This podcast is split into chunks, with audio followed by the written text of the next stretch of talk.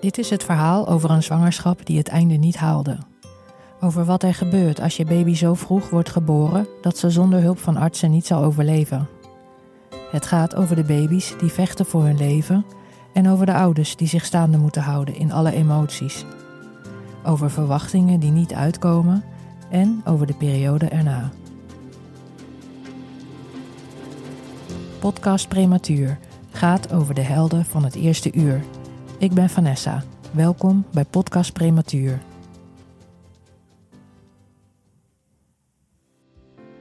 Ze brachten je met de bed en aal naar de hal en zei je tegen me: Mama, dit is mijn ergste nachtmerrie van mijn leven. Ja, het was, het was ook voor mij. Het was verschrikkelijk. En is ongelooflijk, want uh, ik weet niet eens hoeveel artsen uh, om de couveuse heen stonden en werkten en een, een team van uh, zes, acht mensen om dat klein manneke te redden. En het is gelukt. Ja. De meeste vroeggeboortes zijn lang niet zo extreem als die van mijn zoontje Vince. Maar een podcast maken met eerlijke en kwetsbare verhalen begint bij mijn eigen verhaal. Nadat mijn vliezen spontaan braken, is mijn zoontje met 24 weken geboren. Dat is in Nederland de ondergrens van wat als levensvatbaar wordt beschouwd. De eerste dag in het ziekenhuis werd me geadviseerd om een dagboek bij te houden. Wat ik ook heb gedaan. 152 dagen lang, want zo lang had hij in het ziekenhuis gelegen. Vince werd na zijn geboorte al snel ziek. De ene infectie volgde de andere op. Infusen vol medicijnen, antibiotica, complicaties, operaties, bloedtransfusies, prikjes, onderzoeken, scans, een ontelbaar aantal verpleegkundigen, artsen en artsenvisites. Er leek geen eind aan te komen. Het enige wat ik kon doen was er voor Vince zijn en kolven. Ik was soms in paniek en even later kon er zo weer opluchting zijn, maar altijd was ik alert, bang en uitgeput. Toen wij na vijf maanden thuis kwamen, wilde ik praten met andere ouders die hetzelfde hadden meegemaakt. In het ziekenhuis was ik dagelijks overspoeld door artsen en verpleegkundigen, meer dan me lief was.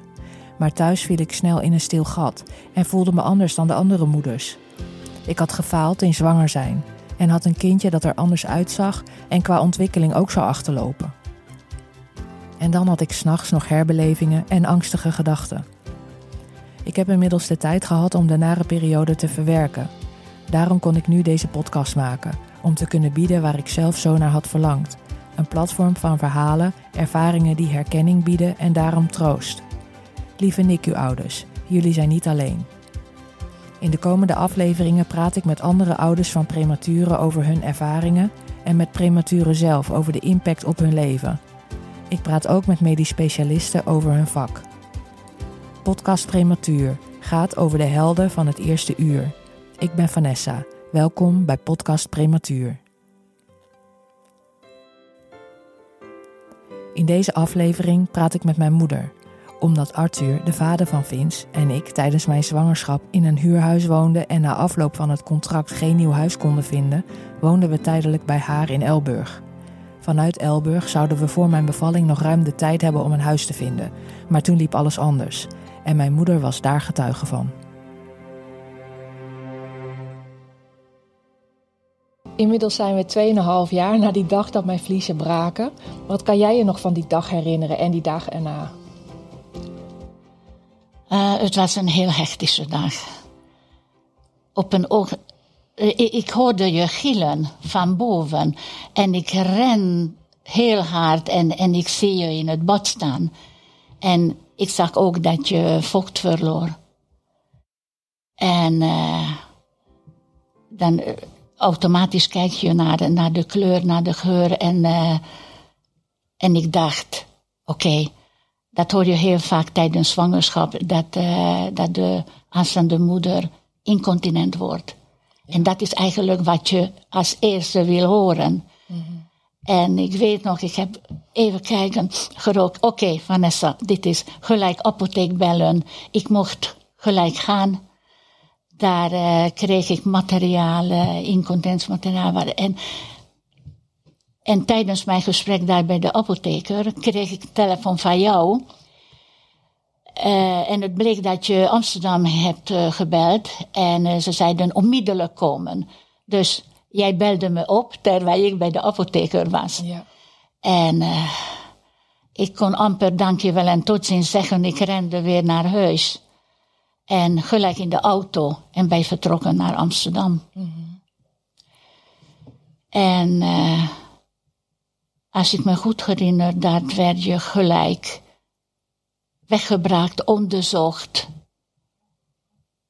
En aan het eind van de onderzoek bleek dat het eh, vruchtwater was. Ja. En je hebt niet alle vruchtwater verloren, maar eh, een aardig gedeelte van. Ze konden vaststellen dat een heel klein gaatje ontstond. En eh, daardoor eh sijpelde het water langzaam, langzaam eruit. En de, je moest gelijk in bed gaan liggen. En kreeg medicijnen voor. En alles wat nodig was om, eh, om te voorkomen dat je te, de rest van het vruchtwater nog verliest. En eh, Je werd gelijk opgenomen. Jij werd gelijk opgenomen, ja, gelijk. En eh, de verwachting was dat je ook door de medicijnen en de rust je lichaam automatisch extra vocht aan zou maken. Dat gebeurde ook, maar niet zo snel genoeg hoe dat verwacht werd. En eh, de artsen kwamen naar ons en eh, hebben verteld jij kreeg inmiddels ook koorts. En dat verontrustte de artsen. En eh, ze hebben ons verteld dat waarschijnlijk wordt een vroeggeboorte. En dan werden we echt heel erg stil van. Jij kreeg gelijk tranen in de ogen. En, eh, maar goed, Dit was al de derde dag na opname. Ja, ja, dit was de derde dag, geloof ik, ja. En eh, wij, wij bleven natuurlijk hopen dat eh, alles goed komt. Maar uiteindelijk eh hielpen de medicijnen ook niet om je koorts lager te brengen. En toestand van de baby is ook eh, kritisch geworden. Dus uiteindelijk hebben ze besloten om het kindje gaan halen. Dat was Ja. laat in de avond. En ik herinner me ook dat je. Ze brachten je met de bed en al naar de hal en zei je tegen me: Mama, dit is mijn ergste nachtmerrie van mijn leven. Ja, het was, het was ook voor mij. Het was verschrikkelijk. Ja. En, eh, nou ja, en natuurlijk, het was wachten, wachten en wachten. Uren, uren lang. En ehm Wiens moest eh, met keizersnee, sowieso. Maar dat wisten we al van tevoren. En ehm, ik weet niet meer precies eh, wanneer, maar ergens in de nacht werd Wiens dus geboren. Al om half tien s'avonds. Ja, het leek Ja. me eeuwig. Ja, ja. En eh, s s'nachts kwam ik van de verkoeverkamer en kon ik Vince voor het eerst zien. Ja, ja. En hebben ze jou op de hoogte zag- gehouden tussendoor? Nee, ik zag, ik zag nog eh, Arthur. Namelijk, eh, ze brachten eh Wiens in een couveuse naar de afdeling. Hoe heet die afdeling precies? hè? Ja, de NICU, de neonatale intensive care. Ja, precies. En eh, Arthur achter hen aan. En dan zo rennend en huilend en in heel erge toestand nog eh, zei tegen me... Oké, alles is oké. Wins is geboren en met Vanessa gaat het goed. Ja, gelukkig. En toen waren ze weg en dat was het. En eh, ik was aan de ene kant wel opgelucht, maar aan de andere kant maakte ik natuurlijk verschrikkelijke zorgen. Want wij wisten wel dat nog een lange, dag, lange weg voor ons stond. Ja. En eh, ik zag pas wiens, ja, de volgende dag. Laat in de ochtend, geloof ik, mochten we naar, uh, naar de afdeling en daar lag mijn lieve schat in Ja. de couveuse. Zo'n mini klein lief mannetje. Ja. ja. Ik weet niet wanneer jij hem voor het eerst mocht zien. Ik moest lang wachten op de verkoeverafdeling. Omdat die ruggenprik, ehm, toen ze me dichtmaakte, voelde ik pijn. En toen eh, heeft de anesthesist mij extra verdoofd. En daarom moest ik lang wachten totdat, Ja, totdat ze me goedkeuring gaven om van de verkoever weg te gaan. ja, En dat duurde heel lang. En uiteindelijk, uiteindelijk werd ik opgehaald en hebben ze mij naar Vins gebracht. ja. Maar ik herinner mij niet veel daarvan. Nee, ik kan me En waarschijnlijk voorstellen. komt dat door alle medicijnen en, En eh, ah, die verdoving en eh, en de vermoeidheid en Ja. ehm, de schrik en alles. ja. Hoe was dat voor jou als oma? ja, als oma was het fantastisch. Eh, ik bedoel, eh eh, Wiens, Wiens leefde. En eh, eh, toen ik hoorde van de artsen dat hij te redden is, natuurlijk eh, werden allerlei eh, dingetjes verteld eh, over de verwachtingen. Wat kan allemaal gebeuren met hem. En, maar ze gaven wiens kans dat hij het redt en een gezond, leuke kindje wordt. En daar, daar leefde ik op. Ik, ik was, toen ik hem eh, voor het eerst zag, ik wist wel, dat kon je aan hem zien, dat het een klein vechtertje is. En, eh, nou ja, en eh, ieder, ieder, moment van de dag dachten we aan hem, dacht ik aan hem, jullie aan hem.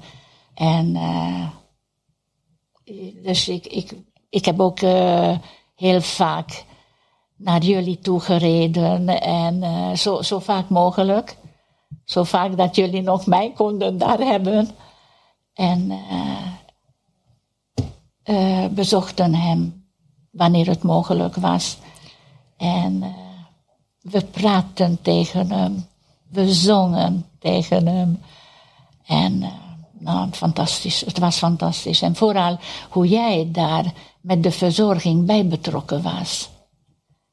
Dat jij, volgens mij, dat heb je in je. Dat klein mini dingetjes en alles zo klein. En toch kon je alles doen en je leerde heel veel van, van de verzorgers ook. En eh, ja, dat, eh, ik, ik bewonderde jullie. Jullie waren dag en nacht klaar voor hem. En letterlijk, dag en nacht kregen jullie oproep en rennen en hollen en helpen. En ja, fantastisch. Het was een heel moeilijke tijd, maar ook een heel fantastische tijd. En dat maakte ook moeilijker dat natuurlijk zaten nog meer kinderen in de zaal, niet met goede afloop. En dan moet je als ouder echt eh, sterk zijn om door te gaan en niet laten afleiden en beneden halen. En niet opgeven. Het is heel lastig eh, als je kindje op een NICU ligt met, eh, in een open zaal met eh, minstens negen andere te vroege of zieke kindjes in ieder geval. En krijg je veel mee. Je hoort de alarmbellen afgaan. Je ziet welke specialisten binnenkomen voor wie. Je ziet wanneer een kindje er opeens niet meer is. En ehm, voor Arthur en mij was het zo dat we in het Ronald McDonald woonden. En dat we veel ouders ook van de NICU woonden daar. En daar kwam je toch de verhalen dan weer tegen. En hoorden we vaak wat er was gebeurd. En, ehm, en natuurlijk eh, focus je je op je eigen kindje. Maar soms is het lastig Ja, als je hoort van een ander. En je hoort iemand in huilen uitbarsten en soms gillen van het slechte nieuws. Of, Ja. ehm, dat maakt het allemaal heel realistisch. En, Ja. ehm, en soms angstig. ja, Maar aan de andere kant hadden jullie ook uh, steun aan elkaar, vooral in de Ronald McDonald huis. Daar konden jullie met uh, echtparen dezelfde situatie spreken en elkaar aanmoedigen, niet? Ja. Ik was er heel slecht in, vooral Arthur was, uh, had daar meer behoefte aan. Dus uh, van het contact dat er eigenlijk was met de andere ouders ging het meeste via Arthur, want ik, ik vond het heel moeilijk. Ik zat alleen maar in mijn eigen focus over Vince en um, ik wilde mij ook niet laten ontmoedigen door iemand anders, omdat ik dacht van hij volgt zijn pad en ik volg hem. En de emoties van de anderen, dat vond ik heel zwaar. Ja. Omdat ik dat heel persoonlijk aantrok. Ja, ja. Kan jij je, kan jij je eigenlijk nog herinneren eh, het moment dat die arts uh, ons voorlegde of ze wilden dat we hem, dat ze hem actief gingen behandelen? Omdat hij met 24 weken is geboren en dat is Ja. de ondergrens van wat ze als levensvatbaar beschouwen hier in Nederland. Hier in Nederland, ja. Maar wat wij niet wisten, dat tot 26 weken, dat je de keuze hebt of ze willen dat, je, dat ze je kindje dus redden. Ja, En als je zegt van nee, dan laten ze hem gewoon sterven. ja. Was jij Ja. daarbij dat ze ons Ja, dat, dat, voorlegden? ja, dat herinner ik me nog heel goed. En eh, dat was geen optie voor jullie om over na te denken. Dat was gelijk ja. En alstublieft, red ons kindje. Ja. Maar achteraf weten we nu dat het een heel logische vraag was. Want de weg was heel moeilijk ernaar. Ja. Ja, eh, wij hebben heel wat meegemaakt, die reanimatie. Drie keer of vier keer, ik herinner me niet eens, maar ik herinner me heel goed op de eerste. Gek genoeg was jij erbij op het moment dat mijn vliezen braken en we naar Ja. het ziekenhuis gingen. Ja, Maar jij was er ook bij toen eh, dat heftige moment met Vince eerste reanimatie. ja, dat weet ik nog heel goed. Namelijk, eh, ik, was, eh, ik, ik was de hele dag bij jullie, bij Winst ook. En ik wilde vertrekken. Dus met mijn koffertje En ik Ging wilde ik je de naar gang. de trein brengen. Juist. En wij hoorden de telefoon gaan. Jij nam het op. En je gaf een gil. Nou, en ik eh, rende terug. Ik zeg, wat is aan de hand? En je zei, Wiens eh, moet gereanimeerd worden. En ik gooide mijn koffer in je kamer neer en we pakten de, weet je, we, renden naar, eh, naar het ziekenhuis over van Ronald McDonald huis. En ik geloof, daar hebben we ook nog een. ehm, ja, jij, jij, Maar, hebt nog, jij zat nog met je wond. Het was een chaos, want ik moest was- in de rolstoel. Ja, het was echt een chaos. Heel, Dus we moesten heel snel en in die rolstoel. Ja. En we moesten een lift in door die gang naar het ziekenhuis. En die lift deed het niet. Dus ik moest strompelend die lift Ja. op en in alle paniek. En ik zei tegen je, nou onmiddellijk in de rolstoel zitten, want het, zo gaat het niet. En eh, er was een eh, bewaker. En hij zag ons gelijk in paniek en hij kwam naar ons toe. Eh, kan ik iets voor jullie doen? Wat kan ik helpen? En hij nam eh, de rolstoel met jou erin over. En eh, hij, hij was fantastisch. Hij heeft ons naar boven gebracht. Nou, en wat daar, daar je meemaakt, daar eh, heb ik weinig woorden voor. Paniek. En ik kan haar zeggen bieden. Terwijl ik eh, van oorsprong niet eens gelovig ben. Maar toen stond ik, zat ik daar echt te bieden dat het goed komt. En eh, de verzorgsters daar, nou dat is echt petje af. Fantastisch wat, wat ze kunnen. En het is ongelooflijk, want eh, ik weet niet eens hoeveel artsen om de couveuse heen stonden en werkten. En een, een team van zes, acht mensen Ja. om dat klein manneke te redden. Ja. En het is gelukt. Ja, Ja.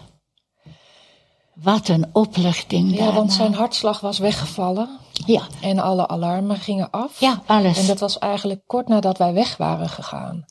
Want Vince had, ik had gebuideld met Vince. Hij had op mijn borst gelegen. Toen hadden ze hem teruggedaan in de couveuse.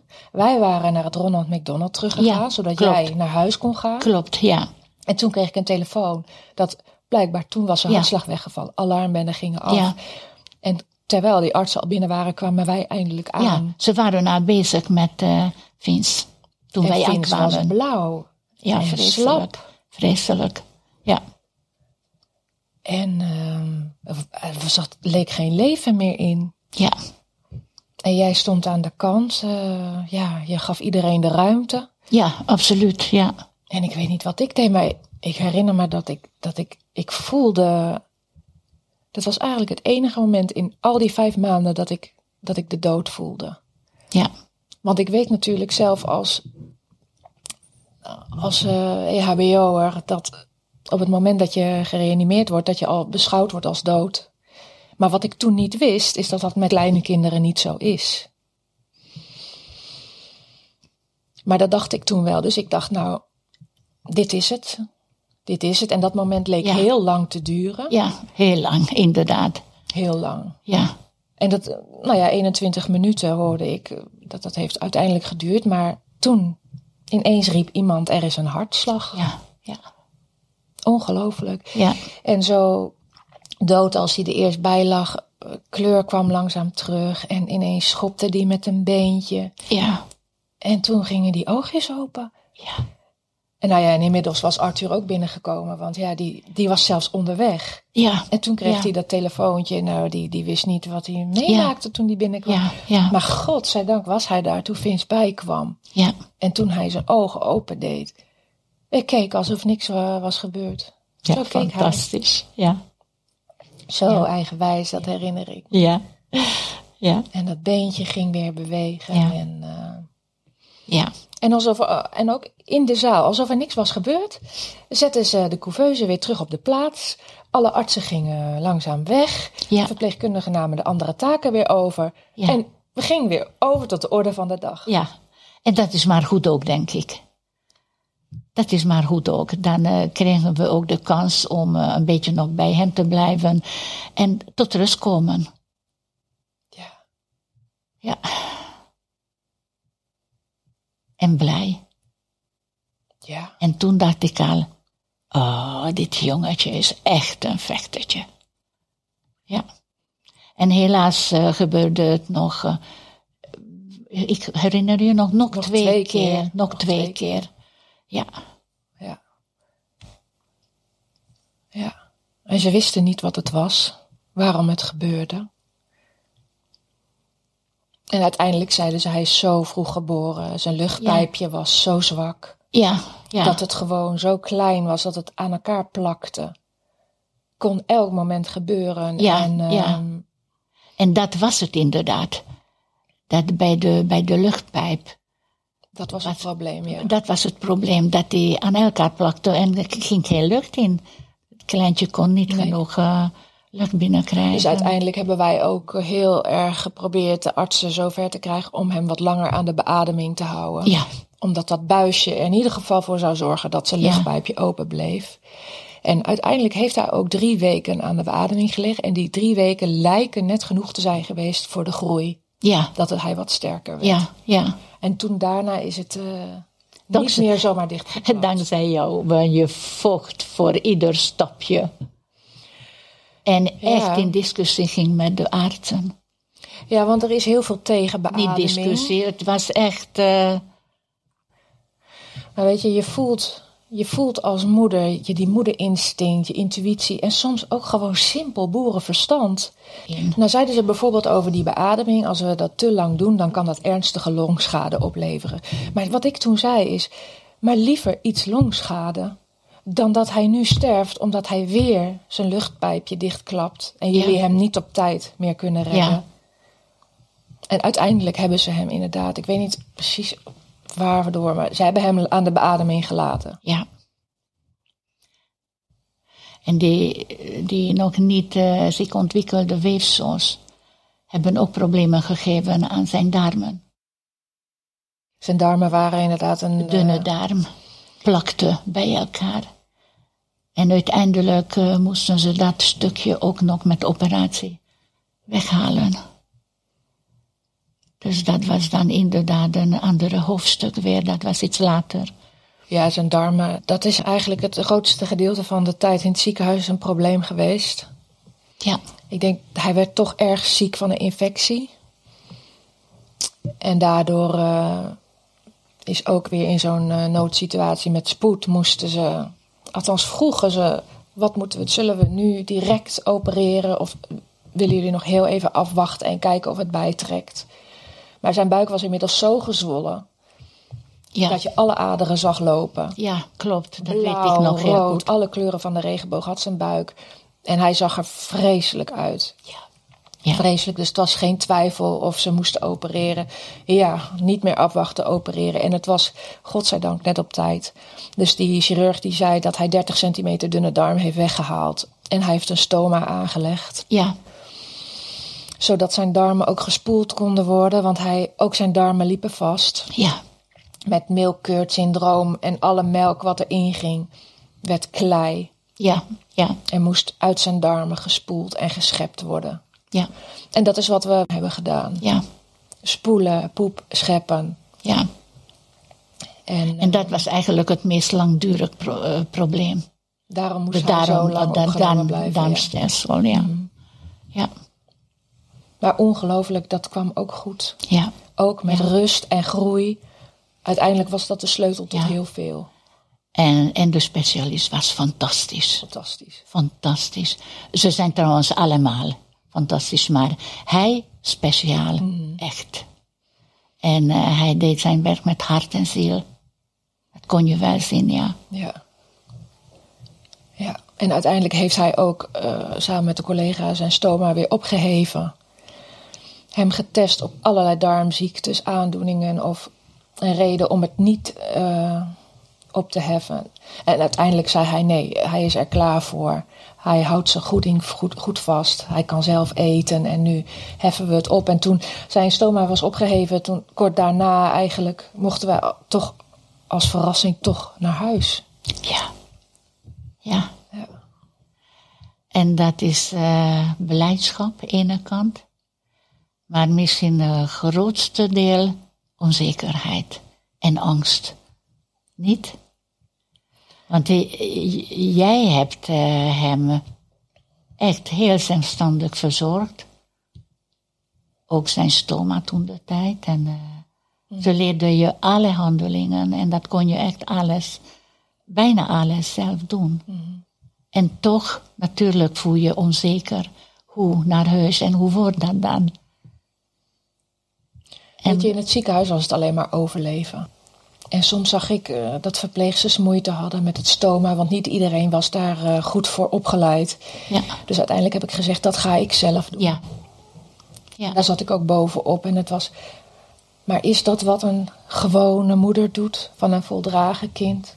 Vechten, meedenken, beslissen over medicatie, beslissen over operatie, beslissen over leven en dood elke dag.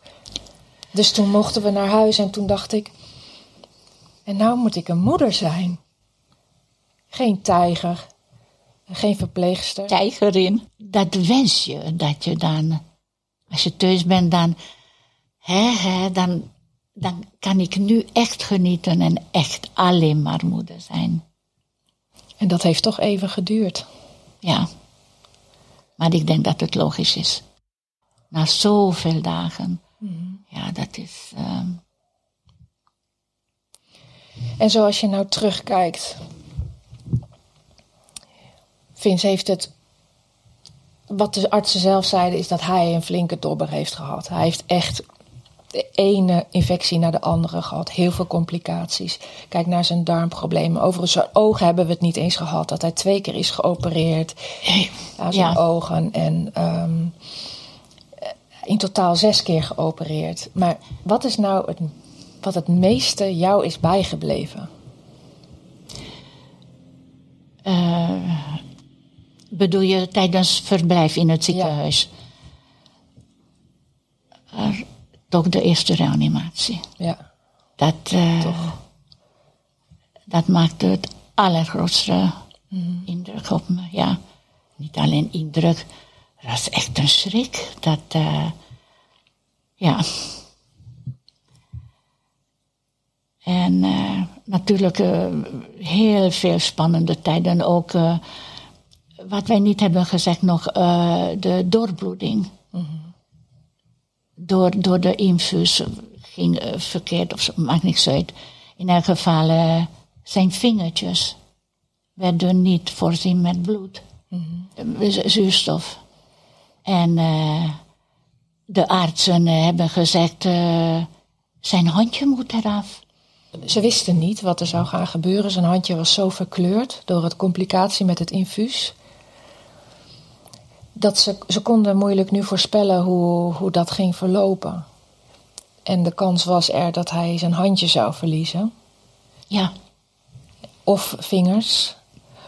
Of een gedeelte van zijn vingers. Maar dat, was, dat moesten we afwachten. Ja. En uh, ik, ik draaide bijna door. Ja. Ik denk van Kijk. alles was dit voor mij ja. het meest heftige. En uh, het enige wat ik kon uitbrengen tegen die arts was uh, dat, dat niks wordt afgezaagd, ja. niks wordt geamputeerd. Dat gebeurt niet. Dat kon ik niet aan. Ja. En dat hoefde ook niet. En wat gebeurde dan? Klein, een, eigenlijk een schoonheidsfoutje. De natuur deed haar werk en uh, ja. het kleine topje van zijn middelvingertje werd ja. zwart en is een stukje afgevallen. Ja. Ja. En een kleine beschadiging aan zijn wijsvingertje en zijn duim, maar dat is. Ja. En nu zien we wel dat hij, dat voor, voor winst is dat heel normaal. En gebruikt het heel handig. Mm. En, uh, kijk, omdat ik weer daar op die vingertjes, dat was ook de tweede, wat mij ook heel erg aangreep. En is er ook iets moois? Heb je ook een mooie herinnering aan die tijd? Al de rest was een mooie herinnering. ja, eh, eh, wat ik heel erg mooi vond, dat is de hoe noem je dat? Dat het lichaam op lichaam. lichaam. Het buidelen. Hoe? Kangeroeën noemden wij kan, dat daar. Kangeroeën, ja. Nou, dat vond ik het allermooiste. Als ik dat klein manneke op jullie borstzak, of bij Arthur, of bij jou. En hoe vredig hij daar lag en zich helemaal overgeven. Nou, dat vond ik echt het mooiste. Dat heb ik vaak meegemaakt. Mm-hmm. Dit waren mijn allermooiste momenten, ja. Mm-hmm. En in de couveuse eeuw ook, als hij reageerde op ons praten en zingen mm-hmm. en vertellen. Ja, ja, dat zijn dan echt heel mooie momenten. Ja. En wat zou tot slot je moederlijke advies zijn aan ouders met een te vroeg geboren kindje? Vechten, net als jij als een tijgerin. Ook als de artsen op andere mening zijn. Gewoon luisteren naar je moederinstinct. Vechten en nooit opgeven. Geen moment opgeven. Jullie waren doodmoe. Echt dood en doodmoe. Heel vaak, dat zag ik. En jullie hebben nooit opgegeven. En als jij het haast niet meer kon, dan kwam Arthur jou steunen. En als Arthur niet, dan kwam jij weer. Dus gewoon bijstaan, elkaar helpen, steunen en nooit de hoop opgeven.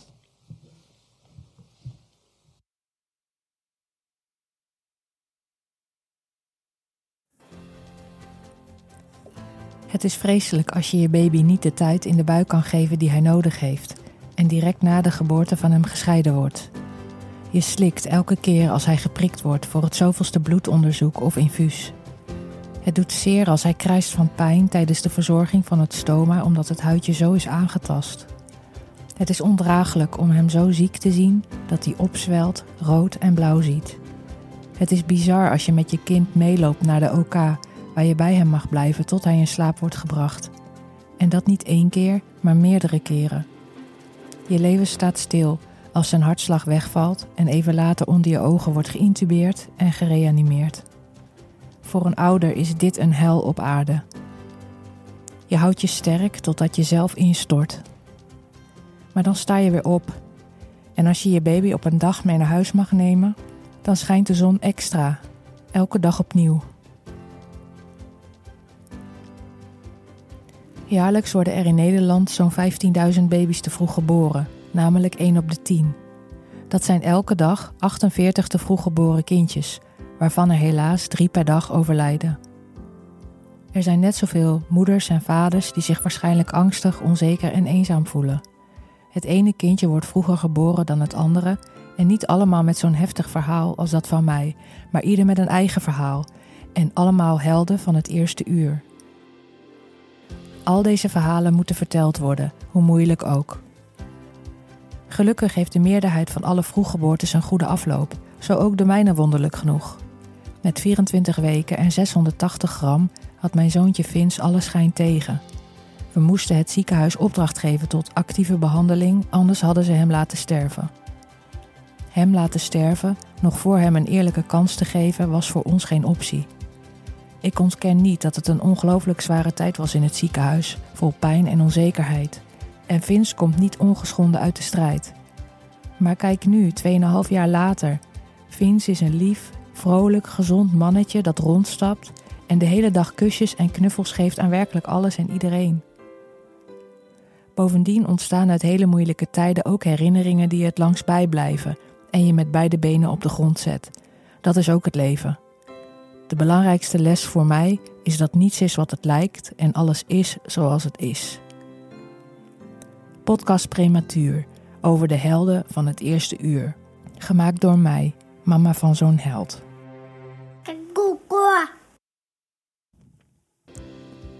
Podcast Prematuur is gemaakt in samenwerking met de Podcastcentrale in Alkmaar.